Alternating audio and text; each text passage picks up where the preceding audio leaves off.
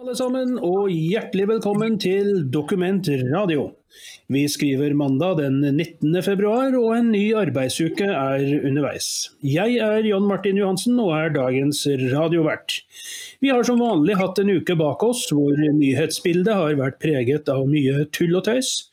Det er vanskelig å finne nettsteder som presenterer et nyhetsbilde som ikke er fullt av faktafeil, agendaer, grønt skifte og ikke minst et glødende hat mot Donald Trump. Dokument.no er det eneste seriøse alternativet du har til et mylder av woke-oppgulp, hvor du må lete deg gjennom en jungel av søppelartikler før du finner noe som er verdt å lese. Hos Dokument slipper du nemlig å måtte lese om Randi fra Toten som endelig har funnet den dildoen som er rett for henne, eller Mohammed i Afghanistan som har valgt å gi geita si en liten pause, slik at den kan sette seg nedpå en liten stund uten at smertene rir gjennom bakenden på den. Hos Dokument er du også så heldig å få høre tankene til den glattbarberte trønder som holder til i de litt mer kondisjonerte strøk i Trondheim. Nei, vi snakker ikke om Flettfrid Andresen, men selvsagt om den evig unge og begavede Ragnar Larsen.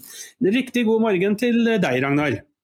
Ja, takk i like måte. God morgen, god morgen til alle lyttere som eh, hører på. Du kan se utover eh, et, eh, en solfylt uh, trønderhovedstad i dag med fem-seks kuldegrader og et ypperlig vintervær. Og det passer godt fordi at nå er det vinterferie på skolen. For ikke bare for, for Sentral-Norge, men også for Østlandet og tilliggende herligheter. Ja, vi har som vanlig noen interessante saker å snakke om i dag, Ragnar. Så har du tatt frem munnvann og camphor drops? Nei, jeg, jeg, har ikke det. Jeg bruker en, en, pille som heter Doc, som lages her i byen. Med eh, eukalyptussmak. Den eh, har en velgjørende virkning på stemmebåndet. Høres jo veldig bra ut. Eukalyptus, ja det er ganske Det er jo um det er jo godt også.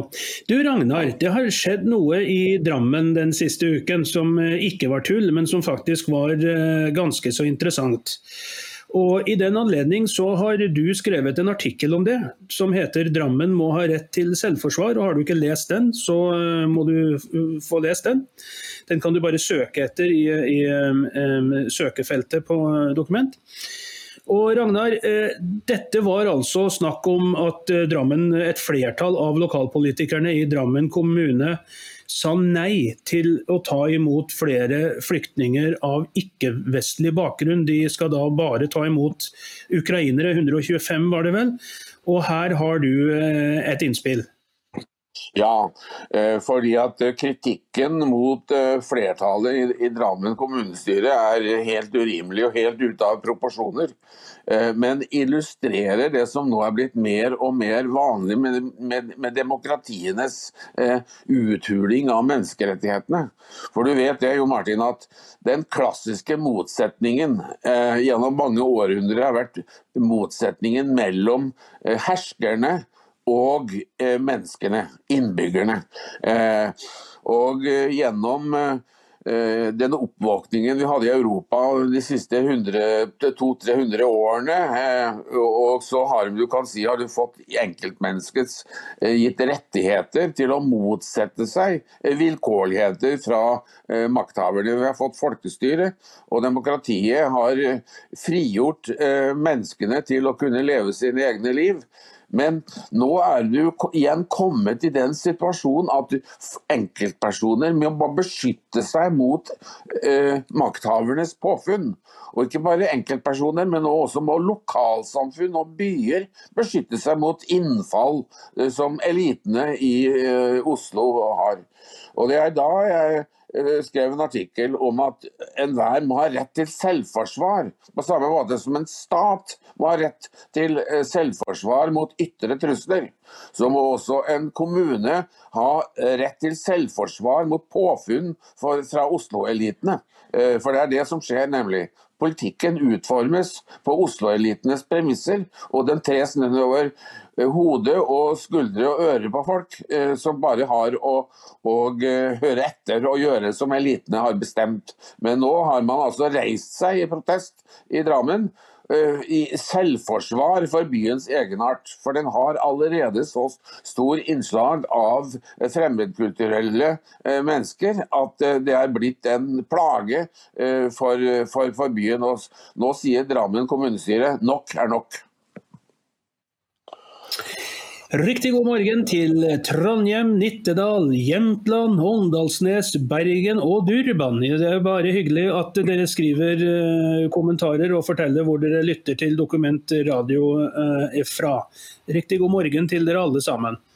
Ja, Ragnar, det er slik at uh, du snakker da om et, et regelrett selvforsvar, og vi vet jo vi vet jo at eh, Drammen eh, kommune er, eh, har vært spesielt utsatt for problemer med både integrering av ikke-vestlige flyktninger og ikke minst kriminelle handlinger, som da er alt fra ganske alvorlige ting til, til mer nasking, trusler og, og mobiltyveri og slike ting av disse, de, de yngste. da. Eh, så I den anledning eh, skrives det jo opp og ned. altså Vi så jo da at en kommentator i VG gikk ut og mente at Drammen nå de var blitt rasister, fordi de ville ikke ta imot mørkhudede lenger. De De skulle bare ta imot ukrainere, men så vidt meg bekjent så, så bor det vel rundt 400 000 sigøynere i Ukraina. Og hvem er det som sier at ikke noen av de sigøynerne må flykte og, og, kommer til Drammen? Det er jo fullt mulig, men de er kanskje ikke mørke nok i huden de, for kommentatoren fra VG. Eller, hva mener du om dette våset, Ragnar? Det er, jo, det er jo så tatt ut av proporsjoner som det er mulig å få det. Hvis du, går, hvis du, ikke har andre eh, argumenter, så tar du til slutt opp da, dette rasismekortet. Altså Hvis du ikke vil la deg islamisere, og hvis du ikke vil at byen din skal islamiseres, ja, da er du rasist. Ja. Men det er det motsatte som er tilfellet. Det er jo når importerte kulturer eh, truer eh, den stedegne kulturen, at man er rasist. fordi da nedvurderer man jo sin egen kultur. Og det er man i ferd med å gjøre i, i, i Drammen. I Drammen er det 14 eh, kirker og 18 moskeer. Det forteller litt om, om fremtiden man går i møte. Det er den bevisste islamiseringen av det norske samfunnet. Eh, nemlig overgangen fra eh, en norsk kultur basert på kristendom og humanisme Basert på kristendom, humanisme og i vår tid også sosialdemokrati. Det er jo det som nå blir gradvis erstattet av islamsk tenkemåte. Og følgende har man allerede sett, ikke bare i Drammen, men du ser det mange steder i landet, hvor du får store innslag av innvandrere fra voldskulturelle miljøer. Og Det er det som nå drammensernes tillitsvalgte reiser seg opp i protest mot. Hit, men ikke lenger. Når du snakker om dette, Vi har en artikkel i dag liggende ute som handler om eh, Sumaya Jirde Ali. Eh, hun som det ikke er lov til å skrive noe om for eh, de som er kritiske til det hun måtte si. Men vi har nå gjort det allikevel, da. Og dette er et koseintervju fra Klassekampen, hvor Ali nå da forteller at hennes liv etter at hun kom som flyktning til Norge når hun var syv år gammel, hun er født ute i villmarken i Somalia, kommer til Norge, og der har det ikke vært noe annet enn en evig kamp mot rasisme. Hun har hele tiden, Det har vært en gjennomgangstone i hele livet hennes, sier hun. Og eh, Resett var jo da det første stedet hvor hun, uh, hun fikk problemer. og måtte, eh, Hun ble hetset så fælt av, fælt av Resett, hvor undertegnede var en av de som gjorde det. Eh, at hun da måtte be om voldsalarm fordi det kom så mange trusler i etterkant av dette. og eh, Alt fordi jeg vet at jeg i hvert fall tillot meg å skrive en litt kritisk artikkel til eh, måten hun tilsnakket Sylvi Listhaug og politiet på. Det var jo noen begreper som vi ikke trenger å nevne her, men som folk sikkert husker. og nå til det siste som skjedde da, det var vel i oktober, var det 22 eller noe sånt noe, hvor denne Atle Antonsen eh, forsøkte seg på å være morsom. Noe som jo ikke falt i god jord for eh, den godeste Ali. Og eh, hun ble innlagt to ganger sågar. For all denne rasismen har virkelig knekt henne og ødelagt henne i Norge. Hun, hun sier hun har vært i Somalia fire ganger på besøk til landet som de flyttet fra. Og kan ikke få skrytt nok av Somalia og hvor fint det er der. Selv om hun jo også sier at det er visse problemer der. Men nå skjønner du Ragnar, nå er Sumaya Jirde Ali nå er hun frisk igjen. Og nå er hun ute i offentligheten igjen og kjører på. Så nå uh, forventer vi vel å få høre noe mer fra den unge forfatterfrøken, gjør vi ikke det, Ragnar? Helt, helt sikkert. Uh, hun tilhører altså en gruppe som var så forfulgt i Somalia at de fikk opphold uh, i Norge. Men de er ikke mer forfulgt til at de kan dra tilbake derfra dit igjen fire ganger uten at det skjer noe eh, med dem. Ikke blir knust et hår på deres hode. Eh, det viser jo galskapen og humbugen i hele asylinstituttet, som er så slapphendt at enhver som er misfornøyd rundt omkring i verden med sine livsvilkår, ja, de kan komme til Norge og bli fremfødt av Nav. Eh, i et land som ikke engang klarer i stand til å ta vare på sine egne fattige, men henviser dem til Frelsesarmeen og Kirkens Bymisjon. Det er, det, er, det er, Norge i et, i, et nøtteskall i, i dag. Ja til all verdens mennesker, men glemmer sine egne. Ja, og uh, Ali er jo Hun oppfatter seg jo som norsk, når, i hvert fall når det passer seg sånn. Og uh, Eh, kanskje somalisk når det passer seg, og det er jo for så vidt greit når du har eh, en, et bein i, i, hver leir, for å si det sånn. Men eh, jeg må jo også si det at jeg reagerer på en god del av denne kvinnen er åpenbart sårbar og, og tar seg nær av, av, forskjellige ting. Og vi husker jo denne 70 år gamle damen som kalte henne for en kakerlakk, som jo ble straffet for dette. Og eh, Riktignok, for så vidt, men altså eh, det å, være, det å bevege seg ut i offentligheten, det betyr at man vil få vil få mange negative tilbakemeldinger også. Det gjør jo både du og jeg også, Ragnar. Det er klart det. Vi, det mangler ikke på negative tilbakemeldinger fra enkelte mot oss heller. Og, men vi kan ikke jogge til politiet og be om å få voldsalarm av den grunn. For det om man har blitt tuet både med juling og det ene med det andre, eh, det, det, det er forskjell på folk. og det, Man skulle kanskje tro at vi også er en minoritet, eh, i hvert fall enn så lenge, Ragnar. Eh, vi som tenker som vi gjør. Men forhåpentligvis så vil vi ikke være en minoritet lenger, når folk flest kanskje ser litt mer galskapen i samfunnet. Tror du ikke det, Ragnar? Jo da, det, det, det er det. Hvis du har hvis du ikke vil bli motsagt av noen, så får du holde munn. Jeg har vært politisk aktiv fra tenårene av og, og hatt, hatt mine, mine, meninger og er blitt eh, motsagt og irettesatt av folk som har andre meninger. Men jeg har ikke av den grunn gått til fastlegen for å be om, øh, om, om nervemedisin. For hvis du vil være med på leken, så får du også tåle steken. Du må tåle å bli motsagt uten at du skal tillegge dem som kritiserer deg for uedle motiver. Hvis en muslim blir motsagt av en etnisk nordmann, så er jo ikke nordmannen eh, rasist av den grunn. Det, det, er jo innholdet i ytringen, eh, det. Så hvis du ikke tåler å bli eh, irettesatt og bli motsagt og motargumentert, ja, så holder du munn, da. Jeg er også blitt utsatt for trusler, og det vet politiet alt om, for de er orientert. Eh, om det skulle tilstøtte meg noe, så har de informasjon om, om, om det.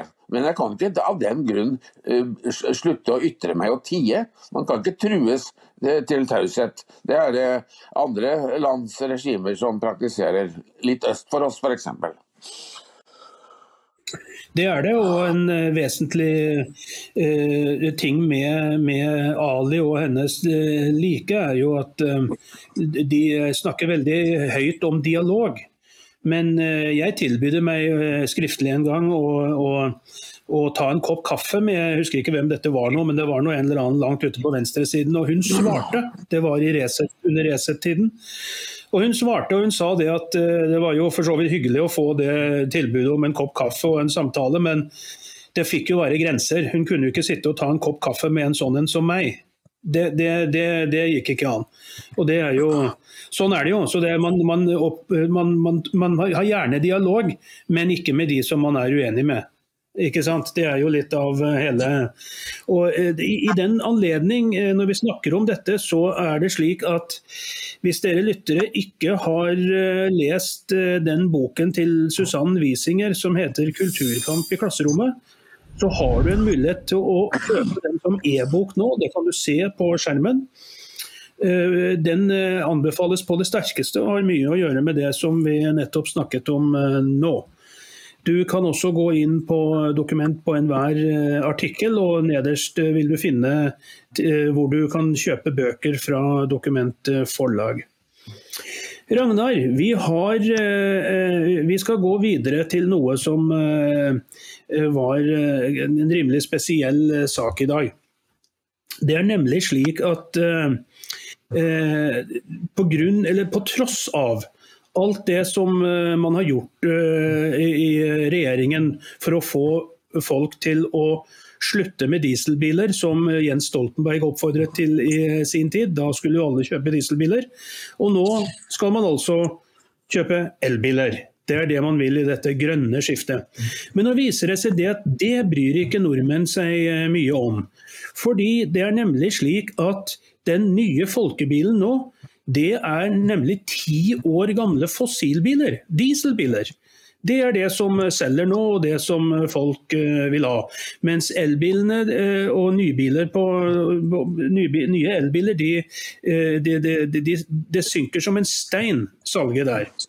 Og Er dette et tegn på at nordmenn eh, ikke bryr seg om det grønne skiftet, ikke forstår det grønne skiftet, eller rett og slett at de ikke har tillit og tiltro til det politikerne vil at vi skal gjøre lenger, Ragnar? Eller hva mener du? De har oppdaget, folk har oppdaget humbugen i det grønne skiftet. Eh, fordi det grønne skiftet er jo ikke blitt noe annet enn et, det grønne ordskiftet. Det, det, hvor man da under dekke av å skulle redde verden gir myndighetene anledning til å forgripe seg enda mer på folks uh, lommebøker. Og Dette er en sånn dirigeringsfilosofi som, som makthaverne, makthaverne, har. Det er ikke bare det at de skal gi oppskrift på hvordan folk skal leve sine liv, med å dirigere deres livsførsel, bestemme hva slags biler de skal ha, hva slags mat de skal spise og hvordan de skal eh, oppføre seg. Nei, de skal også ha kontroll over folks tenkemåte og folks hjerner. Og det er inspirert helt klart fra de rådende ideologier i Tyskland, Italia og Spania fra mellomkrigsårene. En klar eh, parallell. Og Nå reagerer folk fordi folk er i stand til å tenke selv. Eh, og, og, de sverger til biler som går, også om, om, eh, om, om vinteren. Eh, eh, elbiler er helt utmerket, så fremt du ikke skal hos det. Men hvis du uh, i Vinter-Norge skal kjøre trygt, så må du ha biler som går på diesel eller bensin og ikke drive med eksperimenter av uh, forskjellig slag. Jf. Uh, suksessen i anførselstegn med bussene i Oslo som ikke tåler uh, at det er snø på veien. For da går de, da går de i stå. så Folk tenker selv, og nå kommer vi til å få Jon Martin, en ny bølge når vi kommer til høsten, når statsbudsjettet kommer frem. Fordi at denne særbehandlingen av elbileierne, den kommer til å ta slutt. Det, det sørger altså ESA, altså domstolen som forvalter EØS-avtalen eh, mellom Norge og EU, for.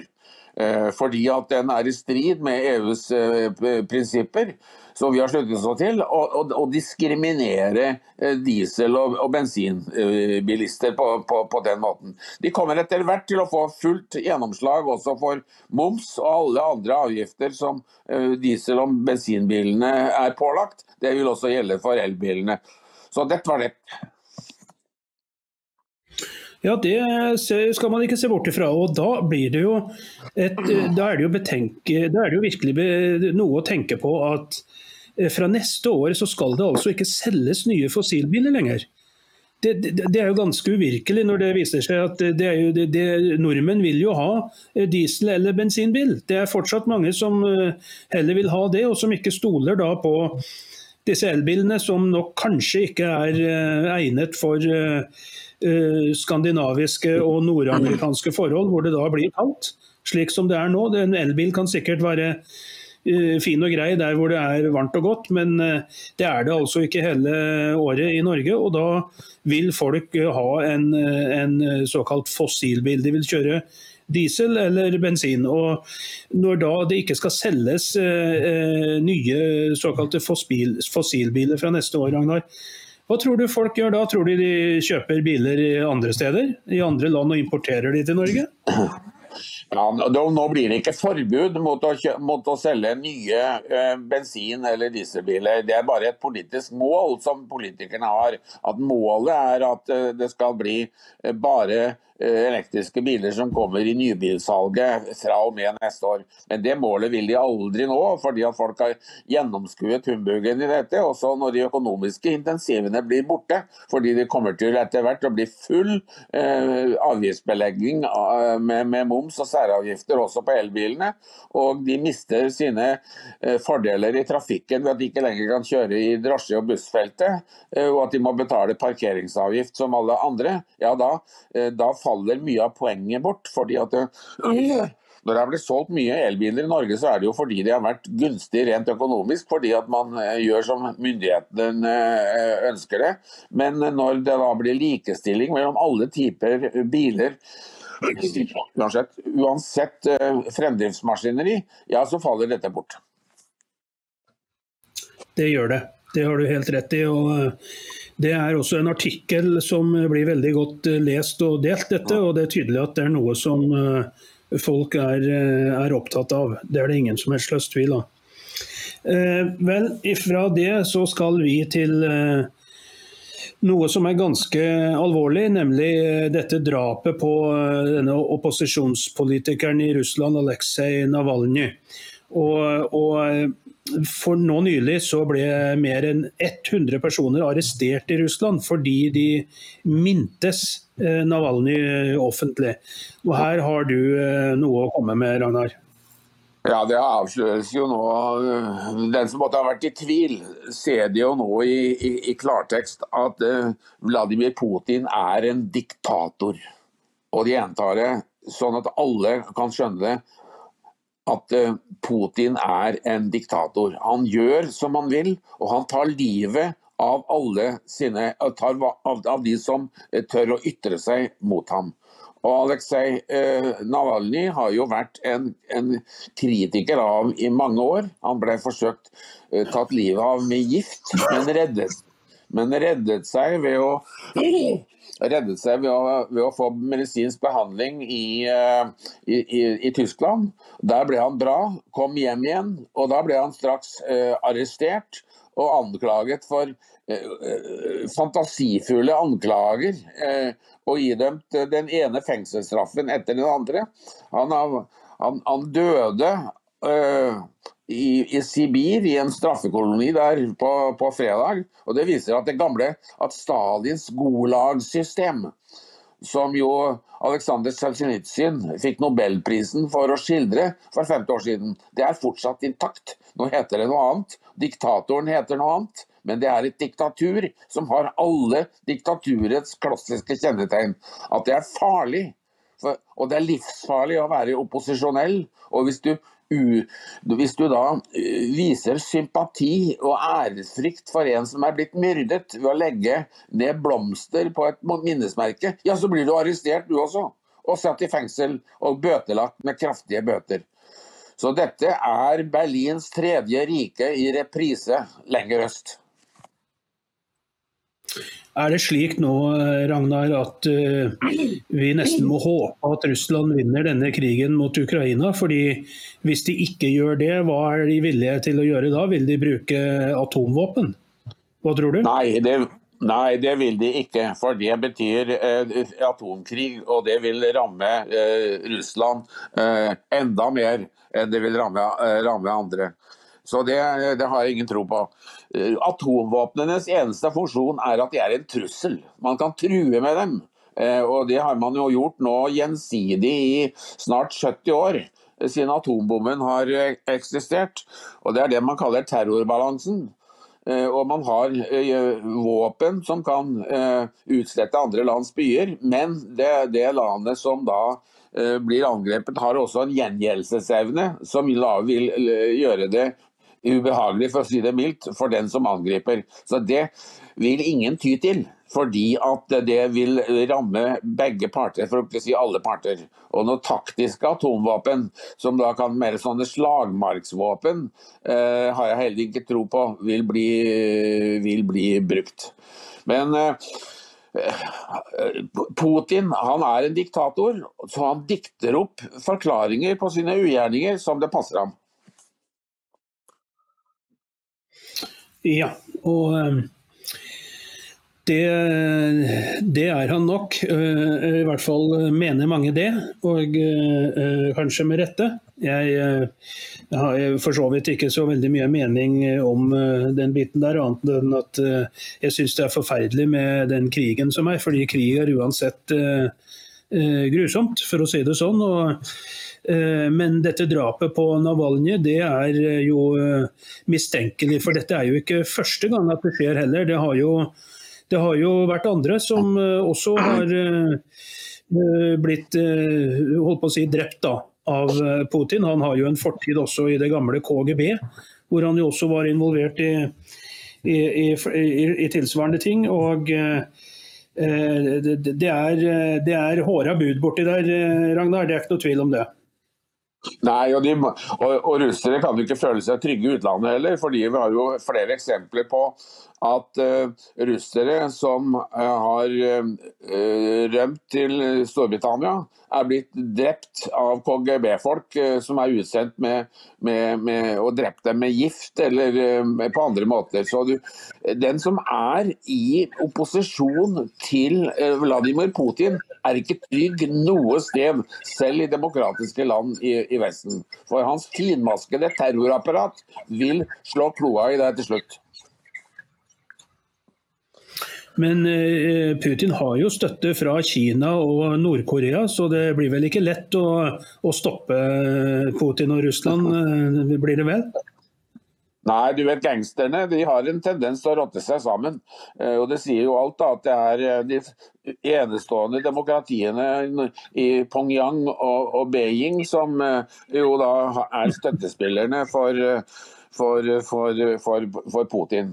Eh, så nei, verden er ugrei, det må jeg ha lov til å si. Men det er på tide at også det norske folk nå våkner og ser eh, kjensgjerningene i hvitøyet og sørger for å beskytte seg eh, selv. For det må vi gjøre, og ikke bare lite på andre. Unnskyld. Vi eh, skal videre, og vi skal videre til eh, en helt eh, vanvittig sak. Det er en religionsprofessor som altså anmelder direktøren i Vinmonopolet fordi Vinmonopolet i Norge har et par flasker med vin fra Israel som de selger. Og denne religionsprofessoren han drar det så langt at han, eh, at han eh, i sin politianmeldelse sier at eh, dette er en forbrytelse mot menneskeheten. Dette skal vi høre og snakke mer om rett etter at du har sett denne lille snutten her. Hei! Vi i Dokument er glade for at du Leser oss hver dag. Lytter til Dokumentradio og ser på Dokk TV. Redaksjonen produserer døgnet rundt. Og trenger både abonnement og donasjoner. Dokument er unikt i Norge. Vi er det eneste virkelig konservative mediehuset. Støtt oss på VIPS nummer 638941. Det Kent sa. VIPS nummer 638941. 638941. Eller bli abonnent.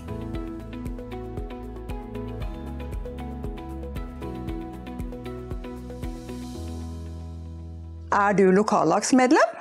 mm, ikke det? Nei, da har du muligheten å melde deg inn. Velkommen til oss. Ja, velkommen tilbake til eh, oss også, eh, Jon Johansen og eh, Ragnar Larsen. Vi, er, vi skal til med en ganske uvirkelig sak her, som handler altså om professor Dag Øystein Ensjø som uh, har meldt uh, uh, Elisabeth Hunter, som er direktør i Vinmonopolet, til politiet. Og her er det, dette, det som er det uvirkelige her, er det at i denne politianmeldelsen så bruker Ensjø ekstremt sterke ord.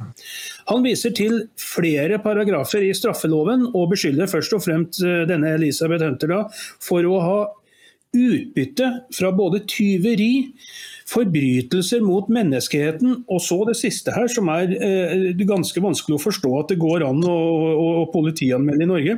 Brudd på folkerettslige regler og skikker for krigføring. Eksempler på det er bl.a. voldtekt, mord eller massemord, mishandling og tortur av krigsfanger eller sivile, plyndring eller vilkårlig ødeleggelse av eiendom, Ødeleggelser uten militær årsak, f.eks. angrep på barnehager, sykehjem eller sykehus. Det er jo slik som vi vet eh, eh, Hamas driver med nede i Gaza. Eh, eller mot Israel. Og Ragnar, når man trodde at galskapen kanskje hadde sluppet litt taket, ja så kommer denne Ensjø og bare viser oss at nye høyder skal også nås denne uken. Det er et gammelt eh, uttrykk John Martin, som heter at den Gud gir et embete, gir han også forstand. Men her må vi gjøre et uttrykkelig unntak for professor Ensjø. Uh, som jo er helt på Viota og lar sin uh, blinde antisemittisme uh, lede ham helt på, på, på, ville veier. Det er selvfølgelig ikke noe grunnlag for dette. Det blir en enkel sak for politiet å henlegge saken mot Vinmonopolets direktør, fordi man gjør som man har gjort i årtier, å importere vin fra Israel.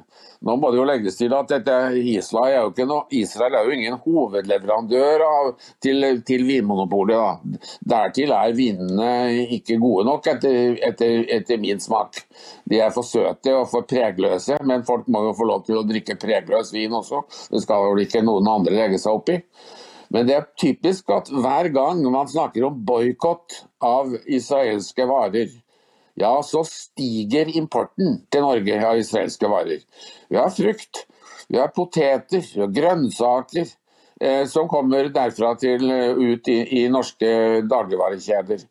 Og ikke nok med det, men de som vil boikotte Israel de må jo slutte å snakke og bruke mobiltelefon, for det finnes jo ikke en mobiltelefon som ikke har komponenter fra Israel. Israel er et høyteknologisk land, og dagens mobiltelefoner er avhengig av komponenter eh, derfra. Så de får gå tilbake til de gamle eh, telefonapparatene da, og ringe til hverandre hvis de da absolutt skal vise sin eh, antisemittiske avsky mot Israel.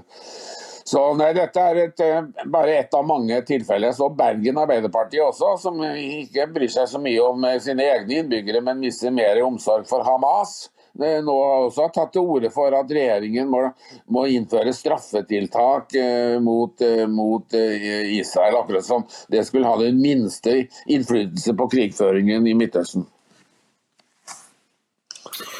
Ja, og uh, denne Ensjø han er, uh, han er, så langt ute på jordet som det er mulig. Han, han skriver også her da i anmeldelsen at uh, vinene er produsert i en israelsk Skal vi se, hva er det han sier? Fordi Han sier at det er en israelsk okkupert område, skriver han, som ligger mellom de palestinske byene Ramallah og Nablus.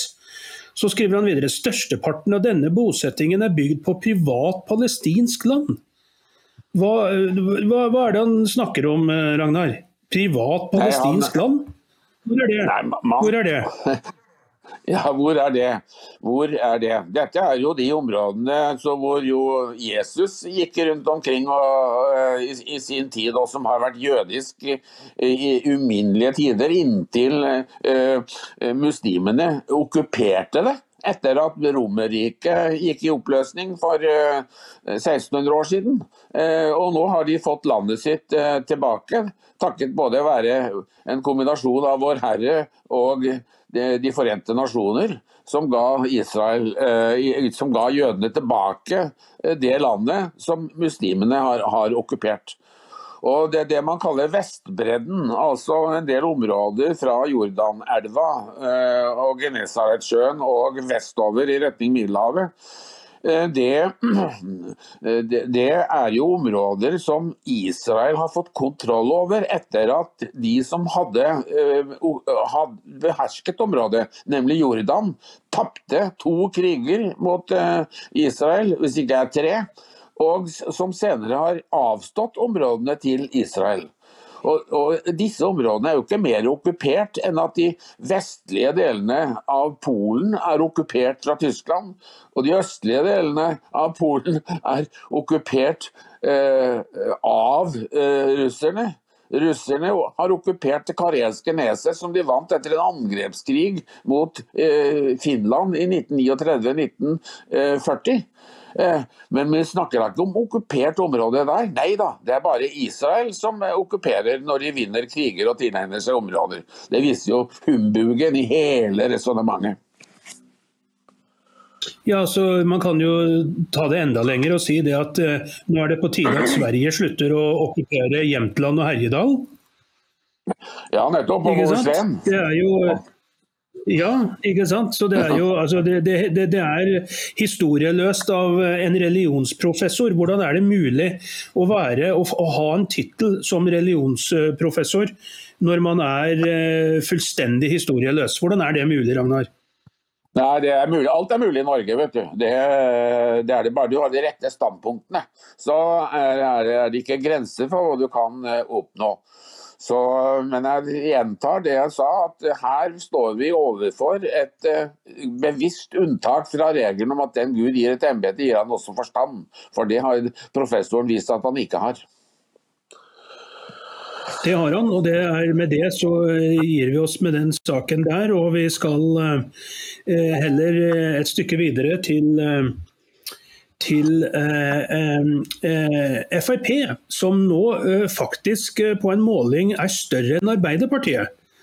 Eh, dette er første gang på 15 år at eh, det har skjedd. og Det burde det kanskje ha skjedd tidligere også, etter min mening. Men nå har det i hvert fall skjedd igjen. Og Hva tror du er grunnen til dette, Ragnar? Dette er kombinert med Arbeiderpartiets eh, forfall. Eh, vi fikk en måling i helga som viste at Arbeiderpartiet eh, har gått tilbake med 2,9% til 17,6% og Frp har gått frem enda mer til 19 Nå må det legges til at dette er en enkeltmåling.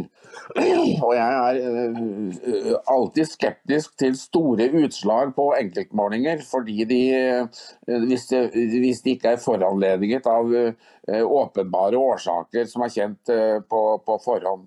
Så jeg tar målingen med et klype salt, men den inngår i en langvarig tendens Eh, som viser at eh, velgerne flykter fra regjeringspartiene og over til Høyre og Fremskrittspartiet.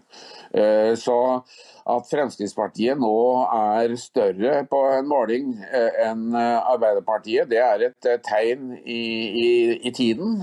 Velgerne er så grassat misfornøyd med Arbeiderpartiet at de da går til borgerlig side.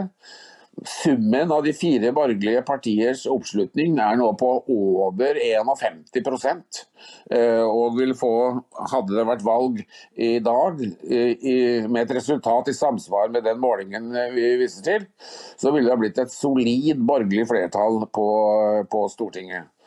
Men det rare, Jon Martin, det er jo at nå er vi i en årsmøtetid eh, hvor fylkesavdelingene i Arbeiderpartiet har sine årsmøter.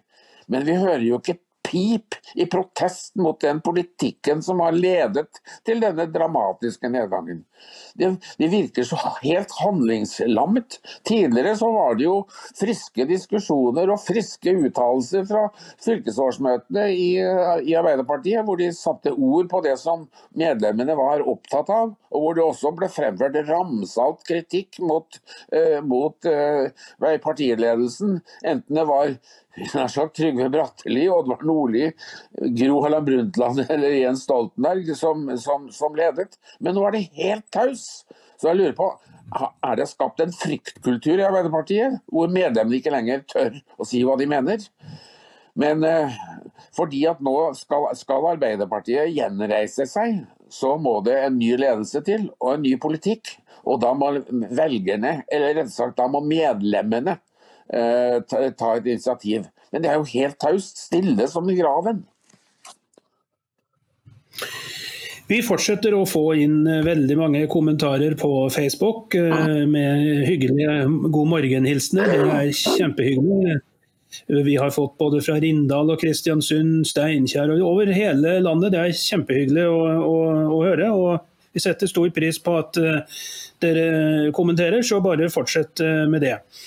Ja, Når det gjelder eh, Arbeiderpartiet og ledelsen her, eh, så har jo mange pekt på Jonas Gahr Støre, selvsagt, eh, siden han er leder og må jo ta ansvaret for Eh, for eh, dårlige, de dårlige oppslutningene som eh, Arbeiderpartiet har hatt den senere tiden. Mm. Men en person som mange har pekt på, vet jeg mer innad i Arbeiderpartiet, men som har gått klar og som ikke får noen kritikk i det hele tatt, og som man nesten aldri hører noe om, ja det er partisekretæren Kjersti Stenseng, Ragnar. Og Hvordan klarer hun å, å, tviholde på en posisjon som veldig mange i Ap mener at hun definitivt eh, ikke burde ha, uh, uh, uten å bli utsatt for kritikk og, og massivt press fra, fra, sine egne? Hvordan er det mulig? Hun er lojal hun er lojal mot Jonas Gahr Støre. Hennes hun beholder jobben så lenge hun har Jonas Gahr Støres tillit, og så lenge Jonas Gahr Støre ser seg tjent med henne. Eh, det er, det er eh, hele, hele, forklaringen. Jeg har oppfattet uh, Inge, uh, altså Stenseng, Kjersti Stenseng som egentlig har hjertet sitt hos, uh, hos Trond Giske, men er i lomma på Jonas Gahr Støre. Men du vet, har, I Arbeiderpartiet har man vært vant til å ha sterke partisekretærer. Den sterkeste av dem alle var jo eh, Håkon Lie, som eh, bygde opp eh, den sterkeste folkebevegelsen Norge har hatt. Fra krigen fra 1945 og frem til inngangen til 70-tallet. Vi hadde en sterk leder, partisekretær i etterfølger Ronald Bye, og vi hadde en Martin Kolberg som sto veldig sterkt innad i partiet, om enn kanskje ikke like sterkt utad. Eh, men som var en, eh, en, strateg. Men i dag så har man jo ikke strateger lenger i Arbeiderpartiet. Det er jo blitt eh, bare dagspolitikere som ser frem til, til, til morgendagen. Og dessverre med gru, og det har de all grunn til også hvor, hvor, hvor, langtid, hvor strategene er, er, er, borte. En strateg som Trygve Bratteli, en strateg som industriminister Finn Lied, en Tor Aspengren og Statoil-sjef eh, Arve Johnsen og, og, andre som tenkte langsiktig, de er borte. For man har ikke lenger strategier eh, i dag. I dag så er det langtidsplanlegging. Eh, det er eh, Eh, det er det som skjer før lunsj. Og det som skjer etter lunsj, det er science fiction. Ja, og eh, hvis du er eh, en av de som ønsker å, å legge deg litt mer kunnskap og skjønne hvordan ting egentlig foregår, så kan vi anbefale på det sterkeste Robert Malones glimrende papirbok. Den heter 'Hvordan myndighetene bløffet oss', og den vil du se på skjermen nå. Og eh, Den eh, kan du få kjøpe hos eh, Dokument sammen med mange andre bøker. Det er bare å gå inn og sjekke ut hva som er på dokument.nos forlag. og Der er det veldig mye interessant lesestoff som hvis du ikke har kjøpt enda, så, det sterke, så anbefales det på det sterkeste at du gjør det. Og Når vi snakker om Arbeiderpartiet Ragnar, og, og det som skjer der. Nå, nå, er det slik at i dag så gikk eh, Sylvi Listhaug ut og med kraftig kritikk av Arbeiderpartiet. og Det kommer da i i bakkant av denne utnevnelsen av Anniken Huitfeldt som ny ambassadør i USA. hun reagerer meget kraftig på dette, fordi hun mener at Arbeiderpartiet nå er på vei tilbake til gamle vaner. Hvor eh, det var da viktig å få sine egne inn i verv og posisjoner. Hun sier bl.a.: Jeg vil minne statsministeren om at han for kun få måneder siden mente at Huitfeldt var uegnet som utenriksminister. Da virker det spesielt at hun kort tid etter plutselig skal være kvalifisert for en av de mest prestigetunge stillingene i norsk utenrikstjeneste. Det sier Sylvi Listhaug, og hva sier Ragnar Larsen? Han sier at dette minner meg om en 60 år gammel historie fra Kristiansund. For eh, Kristiansund fikk eh, ny svømmehall rundt 1960. Eh, og da de ansatte som en bademester og sjef for svømmehallen, så ansatte, så ansatte de en som ikke kunne svømme. Men han var til gjengjeld sekretær i Kristiansund Arbeiderparti. Uh, og det, det, nå får vi en reprise på et høyere nivå, da, fordi at Utenriksdepartementet har nå lyst ut stillingen som nestkommanderende ved ambassaden i, i uh, Washington. Og den skal besettes av en som tidligere har vært ambassadør et eller annet sted, altså sjef for en utenriksstasjon. Eh, fordi at eh, de anser da eh, Anniken Huitfeldt til å være så svak som ambassadør at hun må strammes opp av en profesjonell fagperson som selv har vært ambassadør et eller annet sted i, i verden, og som har den bakgrunnen og den faglige ballasten som skal til. Jeg vil ikke si at, at Anniken Huitfeldt ikke har innsikt i utenriksspørsmål, for det har hun. Hun har vært en frontfigur for Arbeiderpartiet i utenrikspolitiske saker i mange mange, mange år. Ledet Stortingets forsvars- og utenrikskomité, og har vært utenriksminister i, i, i to år. Så at hun har greie på utenrikspolitikk, det skal ingen ta fra henne men at hun dermed er egnet for å besette den viktigste posten i hele norsk utenrikstjeneste, nemlig det å være ambassadør i Washington DC, ja, det er en helt annen sak. Og, og regjeringen innrømmer jo det selv når de da må, eh, som, som ambassaderåd, altså, så, eh, som ministerråd ved ambassaden, altså nestkommanderende, må leite fram eh, en som selv har vært ambassadør, for å gi faglig tyngde til henne. Så dette er nepotisme på, det, på sitt mest alvorlige, nemlig at man gir embeter til folk som står en nær. Og at en som da har vært utenriksminister eh, og, og, fått fyken, eh, da skulle være egnet som fagperson i utenrikstjenesten. Det er jo helt urimelig. Ja, Det som er enda mer urimelig, er at som, vi, som, du nevnte her nå, at hun har jo ingen faglig bakgrunn så innen diplomati i det hele tatt. Og det å da få den mest prestisjefylte eh, oppgaven av alle, eh, når man ikke var god nok som utenriksminister Du sier hun har hun har god innsikt i utenrikspolitikk. Jeg vil vel trekke det litt i tvil. fordi en person som har god eh, innsikt i utenrikspolitikk, ville vel ikke ha eh, invitert Taliban med privatfly på norske skattebetaleres regner, eh, luksushotell, turer rundt i Oslomarka osv. med tanke på at dialog skulle sette disse beskjeggede gubbene fra Afghanistan på en tanke hvor, eh, om at liksom, nei, kvinner skal vi nå behandle med respekt og verdighet. Eh, eh, vås, eh, selvfølgelig, og, og bortkastede penger. Og eh, en regelrett skam Eh, for Norge. Og jeg, jeg må si jeg syns hun har vært en særdeles svak utenriksminister. Å få henne som ambassadør i, i, Washington nå, det er vel Man kunne vel knapt ha valgt uh, en verre uh, person, etter min mening. Men du er kanskje uenig, Ragnar? Ja, jeg er ikke så ensidig negativ til hennes kvalifikasjoner i den grad det gjelder innsikt i utenrikspolitiske spørsmål. At hun har feiltrinn, ja det har hun gjort. Og, og, og, det å invitere Taliban eh, til Norge, det var jo en skandale. Å vise hvor, hvor naiv det går an å være, og så lite man ellers har forstått av, av, av situasjonen. Men én ting er jo å, å ha innsikt i utenrikspolitiske spørsmål. Noe annet er å være embetsmann. Eh, og, forvalte den viktigste utenrikspolitiske posten eh, vi har, nemlig å være, eh, være ambassadør i vårt hovedsamarbeidsland USA. Det er noe helt annet. og Regjeringen innser jo det. og Derfor så må de jo stramme henne opp da, med å tilsette en fagperson som nestkommanderende. Men dette spørsmålet har også en annen side. Og det er jo det at Hun må jo da fritas for vervet som stortingsrepresentant.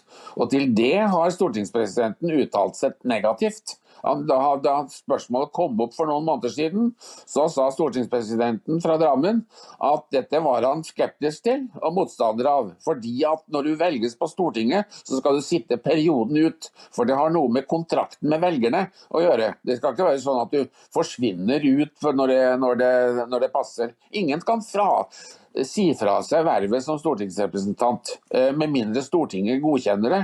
Og det har skjedd i veldig få tilfeller. Jeg kan ikke huske annet enn et par tilfeller hvor det er skjedd. Da Rauf Steen eh, ble for 30 år siden kanskje eh, ambassadør i, i Santiago i, i, Chile. Da var det også et, et indrepolitisk spørsmål i Arbeiderpartiet, et personalproblem som skulle løses. Og Da valgte man å gjøre Rauf Steen til ambassadør. Og så var det for ti år siden, hvor Jens Stoltenberg var innvalgt på Stortinget men ble utnevnt til generalsekretær i Nato.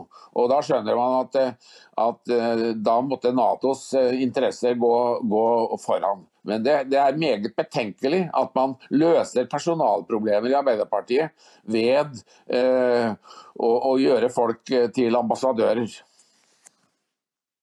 Jeg la merke til at du kalte uh, Huitfeldt her for embetsmann. Heter det det lenger? Det er vel embetsperson nå kanskje, eller noe annet? Jeg vet ikke. Nei, det heter fortsatt embetsmann, fordi mann er et kjønnsnøytralt ord. Og alle som kan engelsk vet at a man det betyr ikke en mann i, i kjønnslig forstand, men det, det, det, samme, det er en person, et menneske. Derfor så er det jo så rart dette med at man nå skal eh, omdøpe embetene fra, øh, fra, mann til noe annet. Det het fylkesmann. En helt kjønnsnøytral betegnelse. Det heter nå statsforvalter. Og så hadde vi jo sysselmann på Svalbard som eh, myndighetenes øverste person der. Nå heter det ikke lenger sysselmann, det heter noe, noe annet. Eh, men i rettsvesenet har man det fortsatt. Det heter fortsatt lagmann, den som er sjef for lagmannsretten. Det heter ikke lagleder eller et eller annet, for det er jo noe du har i fotball, det. Lagleder, men ikke i rettssalen. Så dette er viser hvor krampaktig denne omdøpningen til angivelig kjønnsnøytrale betegnelser er. Lagmann eh, og embetsmann, ja det er kjønnsnøytrale betegnelser, det. Det er det, og det er også tulling. Og det er jo et godt begrep for veldig mange av disse. Tulling syns jeg er et fint begrep som man kan bruke på veldig mye. fordi da fornærmer man i hvert fall ingen ved eh, å bruke feil kjønn. Så eh, Det er jo noe som, eh, som, jeg bruker ofte, men det er jo meg da, vet du, Ragnar. Men eh, fra, fra, alvor til spøk her. Eh, nå er det slik at eh, NRK vi har jo snakket om dem ganske mye, Ragnar. og eh, de, de, har fått eh, kritikk, men de har også fått noe skryt av oss. på fredag, forrige fredag så ga vi dem jo skryt for et program som de hadde sendt. Og, men nå, nå, er det vel slik at de er ikke Før i tiden så var jo NRK veldig mye ute i distriktene og, og, og hadde mye innslag fra distriktene rundt omkring i Norge. Men sånn er det ikke lenger, Ragnar. Er det det? Nei, det er ikke det. Det er, det er at NRK, Norsk Rikskringkasting, det burde nå gjennomgå et, et navneskifte, etter, etter, min mening. Det bør gå fra NRK til ORK. Eh, Oslo Rikskringkasting. ORK. Og det er det også et ork av og til å, å, å se på dem. Og Vi fikk en illustrasjon på det nå i, i, i helga, hvor på, på lørdag så hadde man en reportasje eh, i Dagsrevyen eh, om, om noen isbadere i Oslo. Eh, akkurat som det skulle være noe særsyn at folk driver med isbading. Det gjør de jo over hele landet, for de som føler for det. Eh, eh, men når de da skjer i Oslo, da er det plutselig blitt en rikssak. Det er blitt et nasjonalt spørsmål, da. Og så var det en i og for seg interessant reportasje om en eksnarkoman som var blitt en uh, dyktig kunstner. Og eksnarkomane kunstnere har vi over hele landet. Men når de, kommer, når de er fra Oslo, da blir det en nasjonal uh, nyhet. Og uh, søndag kveld så hadde Dagsrevyen en reportasje fra Nesodden. Tenk, da hadde de klart å bevege seg helt fra Marienlyst via Nesoddbåten og over til distriktskommunen Nesodden. Og der hadde de laget en reportasje om eh, at der var det skirenn for innvandrere. Og, og skirenn for innvandrere, det har vi jo hatt har vi over hele landet. Jeg så jo senest for ikke mange dager siden fra Steinkjer, hvor vi hadde, eh, hadde skirenn og instruksjon for folk fra, eh, fra eh, Ukraina som var kommet, og eh, ble instruert i den norske nasjonalsporten eh, eh, skigåing. Men når det skjer i Oslo-området, da er det en nasjonal sak. Og Det skulle ikke forundre meg om NRK gjennom samarbeidet med andre stasjoner så tilbyr det til å være en internasjonal sak som går gjennom EBU. Ja.